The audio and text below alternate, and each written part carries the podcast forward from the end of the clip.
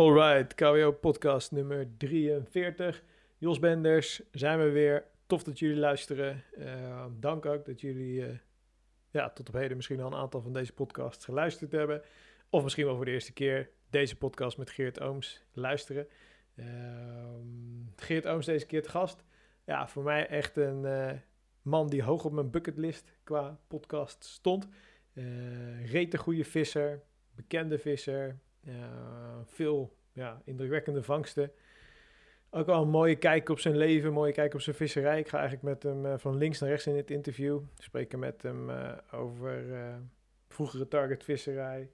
We spreken over aas, we spreken over bootvisserij en dan met name Duitsland, waar hij ook echt een bizar avontuur heeft meegemaakt. Loopt natuurlijk al jaren mee, dus ook hè, visie op aas, visie op en-tackle, rigs. Um, ja, ik probeer echt wel weer zoveel mogelijk uit hem te halen. Um, ik vond het een bijzonder interview. Het is ook uh, de zoveelste Belg de afgelopen vijf tot tien podcasts. Ik probeer echt wel wat meer ook de Belgen nu te betrekken. Ik kreeg dat een aantal keer te horen van hè, er moeten meer Belgische vissers komen.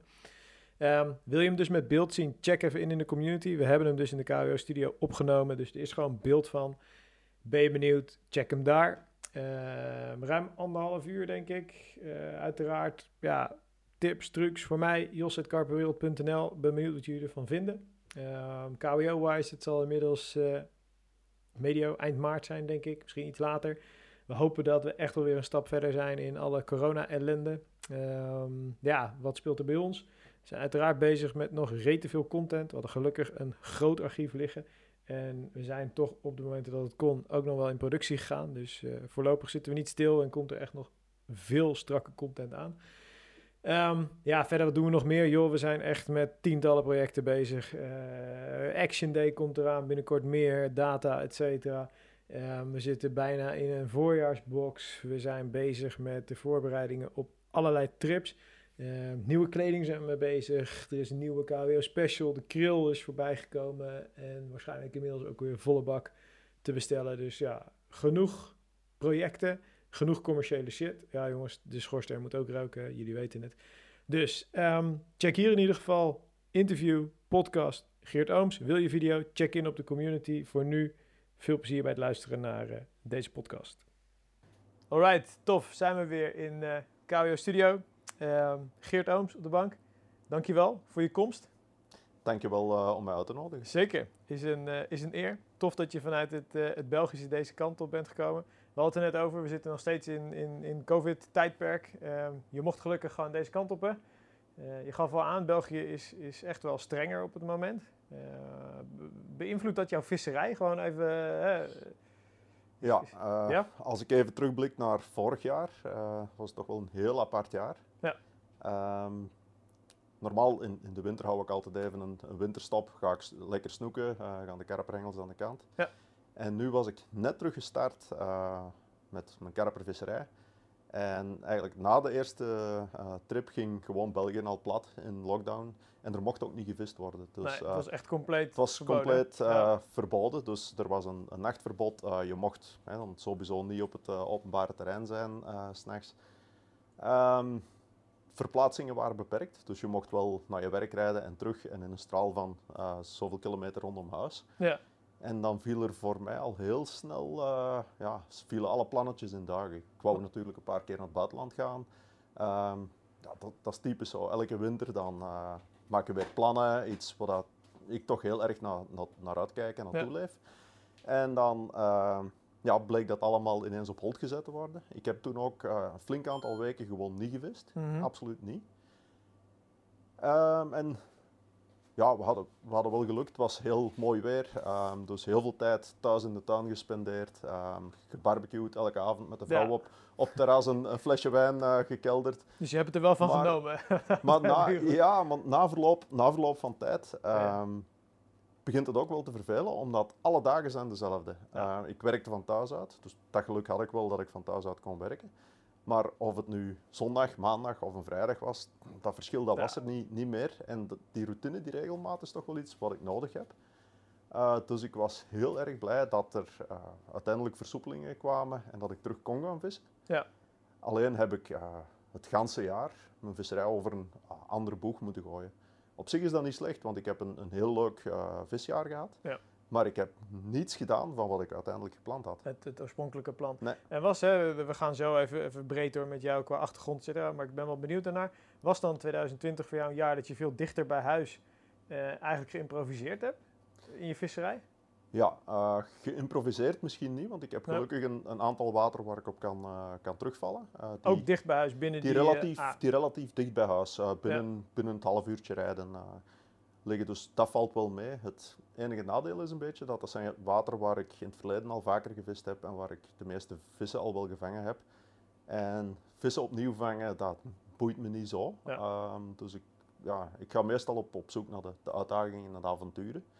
En die waren er niet meteen bij, maar door een beetje creatief te zijn heb ik toch wel eh, wat dingen kunnen, kunnen doen. En heb ik, eh, ja, heb ik een, een, een, wat eigenlijk leek op een jaar dat ging mislukken, nog een heel goed jaar eh, van gemaakt. Dus, Uiteindelijk, ja. tof. Ja. En, en is dan eh, de switch naar, naar snoeken, dat is een switch die niet alle karpenvissers maken. Ik zie het bij jou regelmatig voorbij komen, ook op je social media.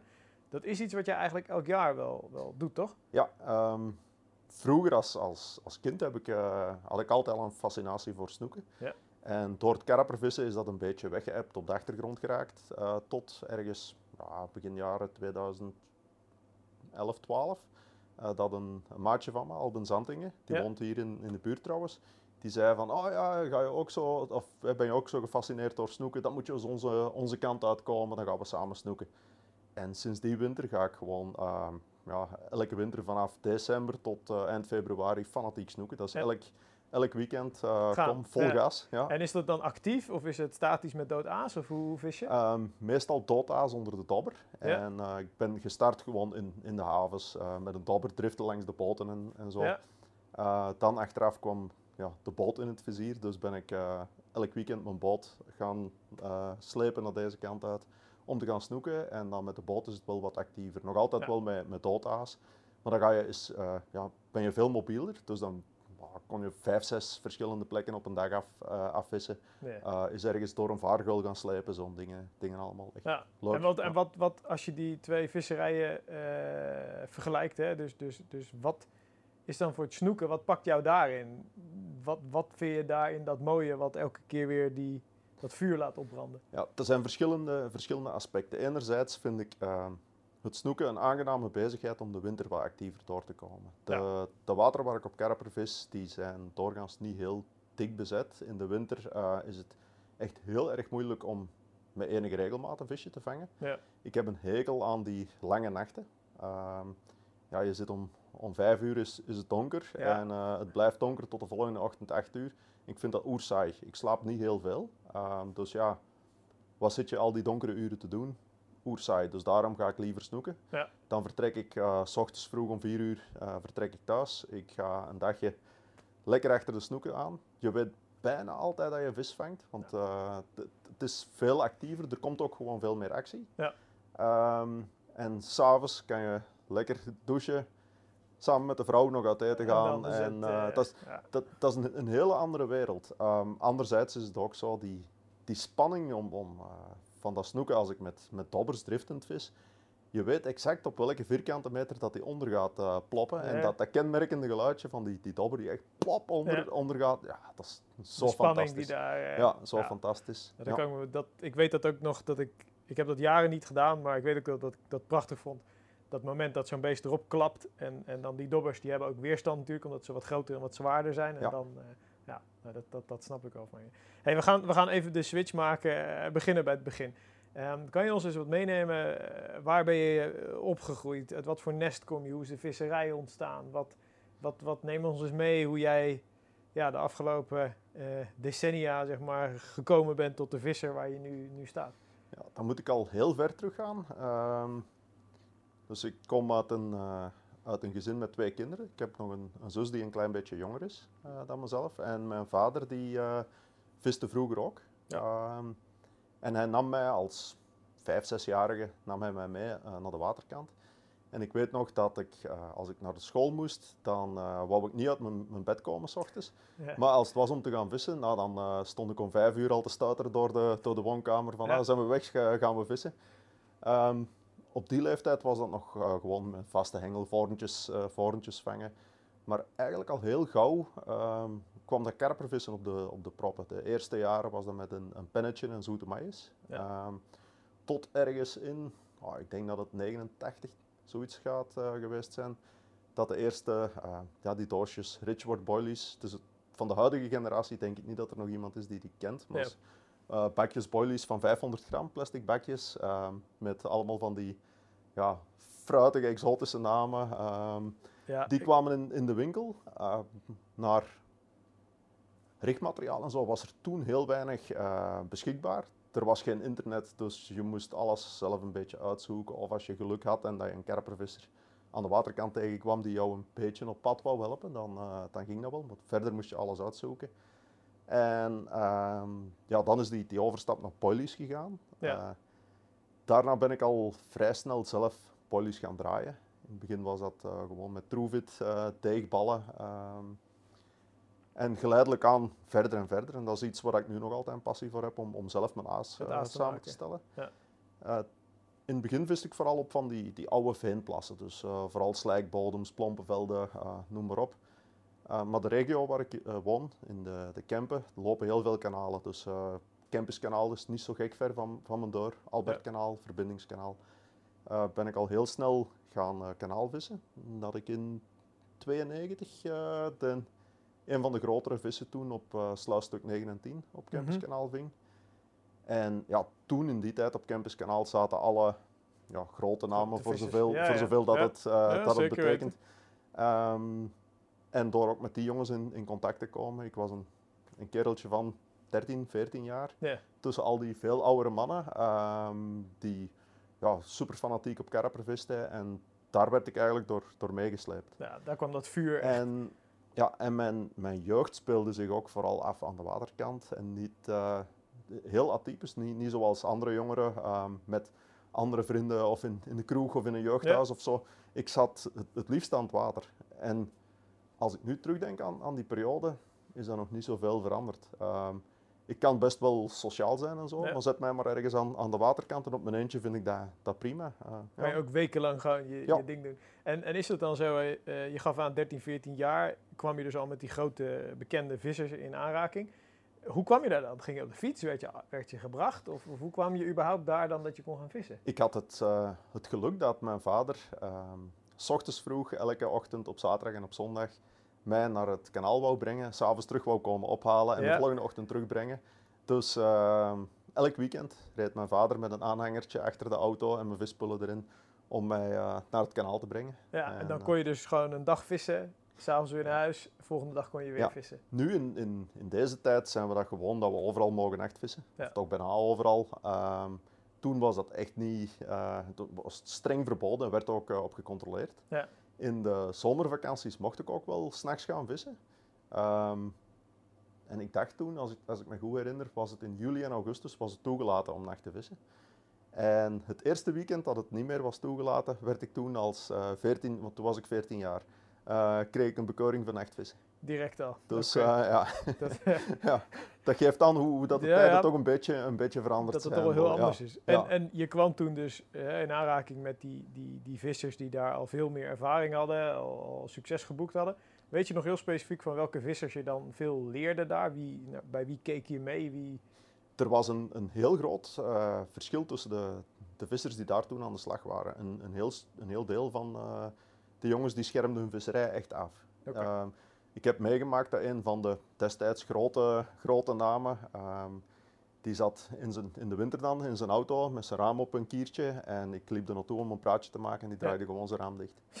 Ja, dus op, zo erg ging het, maar dat waren andere mensen. Um, een Achille Stevens, Ronnie de Grote, um, Eddie Sterks, die ging er in, in, die periode ook heel veel rond. Ja. dat waren jongens die, die deelden wel, wel informatie en daar heb ik toch ook wel, wel wat van meegekregen. Ja. Ja. Maar was dan het meeste wat jij in die tijd leerde, was echt gewoon trial and error? Gewoon zelf. Eh, waar kwam jouw kennis vandaan? Waar, waar kwam, wat, hè, dit zijn moeilijke, uh, het is moeilijke visserij. Mm -hmm. Ook in die tijd was het volgens mij al echt taai ja. en hard. Ja, klopt. Uh, maar, maar, hoe kwam jij daar als jonge gozer dan in? Mijn, wel eigenlijk uh, had ik toen ook heel veel te denken aan mijn toenmalige vismaten, dat was uh, Raf en Jerry van Opstal. Raf, die, Ja, de naam ken ik zo. die zijn ja. naam die zie je af en toe ook nog wel, eh, nog wel Ja. eens passeren. Ehm, wij waren zo'n beetje ja, de, de heilige drievuldigheid die eh, aan de waterkant samenhingen. En ehm, ja, de gecombineerde kennis eigenlijk, die, die puzzelstukjes die samenvielen, ehm, maakte dat we als jonge kerels met heel weinig middelen en mogelijkheden, eh, dat wij het daar helemaal niet slecht deden. Nee, Eh, dus dat je echt wel je vissen ving. Op, absoluut, ja. En, absoluut. en, en ja. kan je, ik heb destijds ook de boeken gelezen allemaal. Heb je daar bepaalde vissen, vangsten die jij die meteen bij je omhoog komen vanuit die periode? Ja, ik denk dat eh, die grote schub van, van 9 en 10, Ja. dat was destijds mijn, mijn allereerste 40 ponder. Ehm, die zal ik nooit vergeten. De, de leder van eh sluisstuk 7, 8, half rijen van sluisstuk 7, 8, dat zijn zo allemaal van die... Belangrijke vissen die, vissen je van- meteen... Ja, Maar dan, dan spreken we over nu dan ja, 20 jaar. eh, Ja. Zijn die vissen 30 jaar. allemaal, ik ken de historie van die vissen niet specifiek, zijn die, zijn die allemaal inmiddels verdwenen, overleden? Ja, echt van die serie eigenlijk alles. Ja, ja. In, ehm, het is zo, zeker op eh sluisstuk 7, 8 heb je altijd een, een generatie van vissen die, die groeien door, die worden groot, die sterven. En zodra dat er een grote sterft, is er een andere die, die opvolgt. Ja. Ehm, er zijn destijds ook heel veel vissen overgezet van een, eh, een vijver die daar, daar langs ligt, een gemeentelijke vijver. Ja. Er zijn lokale vissers die zetten dan vissen op het kanaal. Nu tegenwoordig hè, zou dat heel erg veroordeeld eh, worden. Ja, Toen werd dat redelijk vaak gedaan. En die vissen die op die eh, kleinere vijver een, een beperking hadden om, om te groeien, die die werden dan natuurlijk. plots gigantisch, gigantisch groot. Ja. En ondertussen is het al wel flink wat jaren geleden dat ik nog actief op 7 en 8 eh, gevist heb. Maar ja, toch telkens weer hoor je dat er nieuwe, nieuwe grote vissen eh, komen. en dat Ja. die stukken dan zulke serieuze vissen voortbrachten, hè? was dat met namelijk vissersvoer of, of wa- was de biotoop ook gewoon heel erg goed? Het is een combinatie van beide. Ehm, vissersvoer, want dat werd zelfs in die tijd echt al belachelijk veel Ja. gevoerd.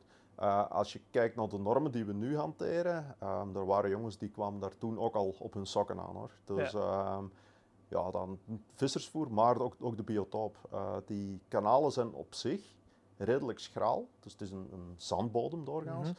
Maar er zitten heel veel driehoeksmosselen in. Ja. Ehm, dus dat heb je dan. En ja, rondom die driehoeksmosselen laatste jaren ook veel meer eh, wierbedden. Ja. Het zit vol met vlookkreeftjes, eh, slakjes. Dus echt wel heel Maar de gezond. kwaliteit van het water gezond ook toch denk ik, de, de beweging die erin zit, zuurstof, de boten, die, Ja. eh, dat dat toch ook een goede combinatie is voor... eh, En in zekere zin altijd een goede soort van, van vissen gehad. Neem ik aan die, die de potentie hadden om, om door te groeien. Omdat, dat merk je nu, de laatste jaren zijn we veel meer bezig met het monitoren van groei van vissen en zo. En als je het, de juiste soort erop, of, of de soort met de juiste genen eh, Ja. rondzwemmen hebt, worden die wel, eh, wel groot. Ja. Eh, dus Ja. dat geluk hebben we ook altijd wel, wel Ja. gehad. Ja. Tof. Ehm, als je teruggaat naar jouw, jouw jeugd, hè, je geeft aan 13, 14 jaar. nou, daarnaast was school natuurlijk een, een, een, een, ding. Neem ons eens mee in jouw, jouw opleiding. Wat heb je na een, middelbaar onderwijs gedaan? Wat, wat beroepsmatig, waar ben je terechtgekomen? Eh, ik wou na mijn middelbaar, ik heb een eh, technische opleiding eh, genoten. Na mijn middelbaar wou ik voort gaan studeren. Ja. Ehm, nog een, een bijkomende opleiding volgen, dat was nog drie jaar. Maar ik kreeg toen ik afstudeerde meteen een aanbieding om eh, ergens aan de slag te gaan, om te gaan werken. En dan heb ik vijf jaar, denk ik, bij Duracell, de batterijenfabrikant, Ah, gewerkt. ja. Ehm, en daar mijn eerste werkervaring opgedaan. Want ehm, ja, als 18-jarige schoolverlater en fanatieke visser wil je natuurlijk de middelen om naar Frankrijk te gaan en, en, en dingen te gaan on- ontdekken en verder Ja. van huis te kunnen gaan vissen. Dus ehm, het verder studeren belandde al heel snel op, eh, op een, een laag pitje. Ja. En ik eh, ben dan gaan werken, centen verdienen, ehm, zodanig dat ik mijn eigen autootje kon kopen en naar Frankrijk rijden. Ehm, na een aantal jaren bij Duracell werd ik gecontacteerd door een selectiebureau eh, met de vraag of ik voor Novion was dat destijds, dus dat is een chemiebedrijf, Ja. dat ik wou gaan, gaan werken. Eh, ook nog in een, een technische functie als onderhoudstechnieker. Ja. En eh, die kans heb ik gegrepen. Dat was echt dicht bij huis, ehm, goed betaald en ook voltijds baan Ja. gewoon. Eh, dan ben ik verder gaan studeren in avondonderwijs, dus volwassenenonderwijs. Ehm, en uiteindelijk, toen Novion, nu is dat Lubrizol, dat is nog altijd mijn huidige werkgever, ben ik eh, 19 jaar geleden begonnen. En daar heb ik ja, ondertussen al verschillende functies gehad en onder, nu ben ik ehm, trainingscoördinator en technical specialist. Zo, zo noemen ze dat daar. Dus Ja. ik, ik lever de ondersteuning bij projecten. Ik help ehm, de ideeën die de, de procesingenieurs hebben, die probeer ik naar eh, technische haalbaarheid of aan de technische haalbaarheid te toetsen en eh, leveranciers te contacteren. En, En heb je dan met name over, over het uitdenken en uitwerken van productieprocessen of, hoe, of machines? Of welke hoek moet ik dat? eh, Vooral ehm, het eh, ja, management of, of change noemen ze dat. Dus eh, de uitbreidingen, nieuwe, nieuwe installaties, eh, aan, aanpassingen aan bestaande installaties. Ja. Ehm, ja, productiecapaciteitsverhogingen, zulke zaken. Ja. En, en wat wordt er, wat produceren jullie? Wat is het, het eindproduct dat dat van de... TPU, dat zijn ehm, ja, dat is thermoplastische polyurethaan. Ehm, ja? En die wordt gebruikt in, in echt heel veel toepassingen. Als je, als je kijkt waar, waar wij hier zitten, in, in elektriciteitskabels en zo, in die coating, daar zit, Zit het eh, in. TPU in. Ja. Ehm, van sportschoenen, Nike bijvoorbeeld, die ehm, zijn de Air Max of zo, die Ja. bubbel die erin zit. Dat Is eh, ook- Ja, ehm, vroeger had Nokia eh, van die gekle- felgekleurde GSM-covers. Eh, Ja. Die, die eh, basisgrondstof maakten we er ook voor. Oké. Nu een, een nieuw gat in de markt zijn vlamvertragers. Dus Ja. Je hebt een paar jaar geleden misschien wel gehoord dat er in, in Engeland een groot flatgebouw is eh, uitgebrand. En ehm, door zo'n zaken eh, worden er heel strenge eisen aan bouwmaterialen en zo ge- Ja. gesteld. En wij maken nu plastics die eigenlijk vlamdovend zijn. Oké. En die Dus, dan eh, als coating eh, gebruikt Die worden? worden als coating of die worden verwerkt in bekleding van, van zetels. Ja. ehm, Om ervoor te zorgen Ja. dat dus de snelheid uit een... eh, Ja, Oké. ehm, want er zijn, zijn zoveel toepassingen voor die, die producten die wij maken. De, de medische industrie, Baxters, Baxters en katheders bijvoorbeeld, die worden er ook van gemaakt. Dus eh, je kan het zo gek niet ik verzinnen. eh, hè, eh, nog nooit van gehoord, maar Ja. zo, leren, zo leer ook tijdens zo'n studio talk. Top. Ja. En, en is dit ook een link naar jouw aasproductie? Is dit ook iets wat jou dus triggert om ook bijvoorbeeld met jouw aas iets samen te stellen, te maken, tot Ehm, een resultaat te komen? Wat, Niet meteen, nee. Is het Eh, daar niet die, eh, die drive om iets te creëren? die, die drive misschien wel, ehm, maar de, de ervaring die ik professioneel heb opgebouwd, die, heb ik echter, die heb ik wel gebruikt om eh, mijn eigen rolinstallatie te bouwen. Want ik heb Ah, ja. zelf, zelf mijn boilermachines gemaakt. ehm, het- alles wat in, in mijn kelder, dus ik heb, een, Ja. ik heb een, een vrij grote kelder en één ruimte is volledig ingericht als uh, Gewoon productielijn. Ja. En die dingen die heb ik wel eh, zelf kunnen maken. Ehm, en nu tegenwoordig ook met mijn, mijn bijberoep, alles wat met eh, rotpothouders en dieptemeterstangen te maken heeft en zo, dat zijn ook zaken die... Ja. Want wat doe je dat? ehm, eh, ik heb je een aantal keer ook op social media producten van, van Timmy, Timmy zien, zien promoten. hè? Ja. Eh, doen jullie dat samen? Of ben je... Ja, wij hebben een samenwerking, dus eh, omdat we in eh, dezelfde branche eigenlijk, of, of Ja. aan dezelfde klanten leveren, ehm, is er begin vorig jaar of half vorig jaar een, een samenwerking opgezet eh, met Timmy, zodanig dat Timmy een deel van mijn producten ook eh, mee verdeelt. oké. ja. Ja, Dus ik, ja. ik lever eigenlijk aan, aan Timmy. Alright, jongens. Dank jullie wel voor het eh, luisteren naar het eerste deel van deze podcast met niemand minder dan Geert Ooms. Ik hoop dat jullie ervan van hebben genoten. Dat jullie benieuwd zijn naar de rest.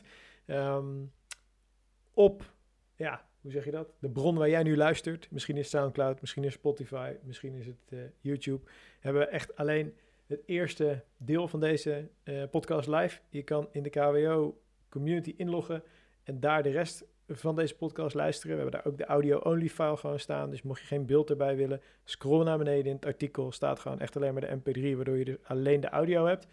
Staat denk ik nog ja, meer dan een uur voor je klaar. We gaan nog met hem hebben over een bizar avontuur in Duitsland met een boot en brandweer en politie en nacht en niet slapen en gezonken boten. Nou ja, het gaat van links naar rechts. Ehm, ik stel hem nog allerlei vragen. Dus ja, ben je member KWO? Tof. Tune in in je app of gewoon op desktop en check hier eh, in het artikel podcast Geert Ooms. Dus de rest van de audiofile of de video. Ben je dat nog niet? Meld je aan. 7,95 per maand, 64,95 per jaar. Kan je direct alle content van ons checken. Dus niet alleen maar het tweede deel van deze podcast, maar echt letterlijk honderden uren aan materiaal. Video, podcast, artikelen, membervoordelen. Ja, de hele rambam staat voor je klaar. Uh, vind je het niks, kan je na een maand ook gewoon weer opzeggen. Vind je het helemaal niks, binnen 14 dagen opzeggen is gewoon geld terug. Helemaal geen risico. Uh, ja, vind je het super strak, net zoals letterlijk inmiddels duizenden andere vissers. Ehm, blijf erbij. Check onze content. Elke week nieuwe content. Nieuwe voordelen proberen we regelmatig te plaatsen. Dus ja, wat dat betreft uh, geen haar op je hoofd die erover zou moeten nadenken om dat niet te doen. Check het. Laat ons weten wat je ervan vindt. En tuurlijk jongens, uiteindelijk is het lastig dat jullie een tweede deel daar moeten luisteren. Maar ja, weet hoeveel moeite, tijd, liefde er in dit soort podcasts zit. Weet dat we dat dus graag maken voor KWO-members. Dat daar ook een businessmodel aan hangt. We snappen dat het niet altijd even relaxed is qua gebruikersvriendelijkheid. Maar goed, dat is uh, part of the job. Bij Apple loop je niet ook zo. Bij Apple loop je ook niet zomaar met een MacBook de deur uit zonder dat je af hoeft te rekenen. Dus uh, voor nu, check hem daar. Tweede deel. Nog ruim uh, een uur staat voor jullie klaar. Yo!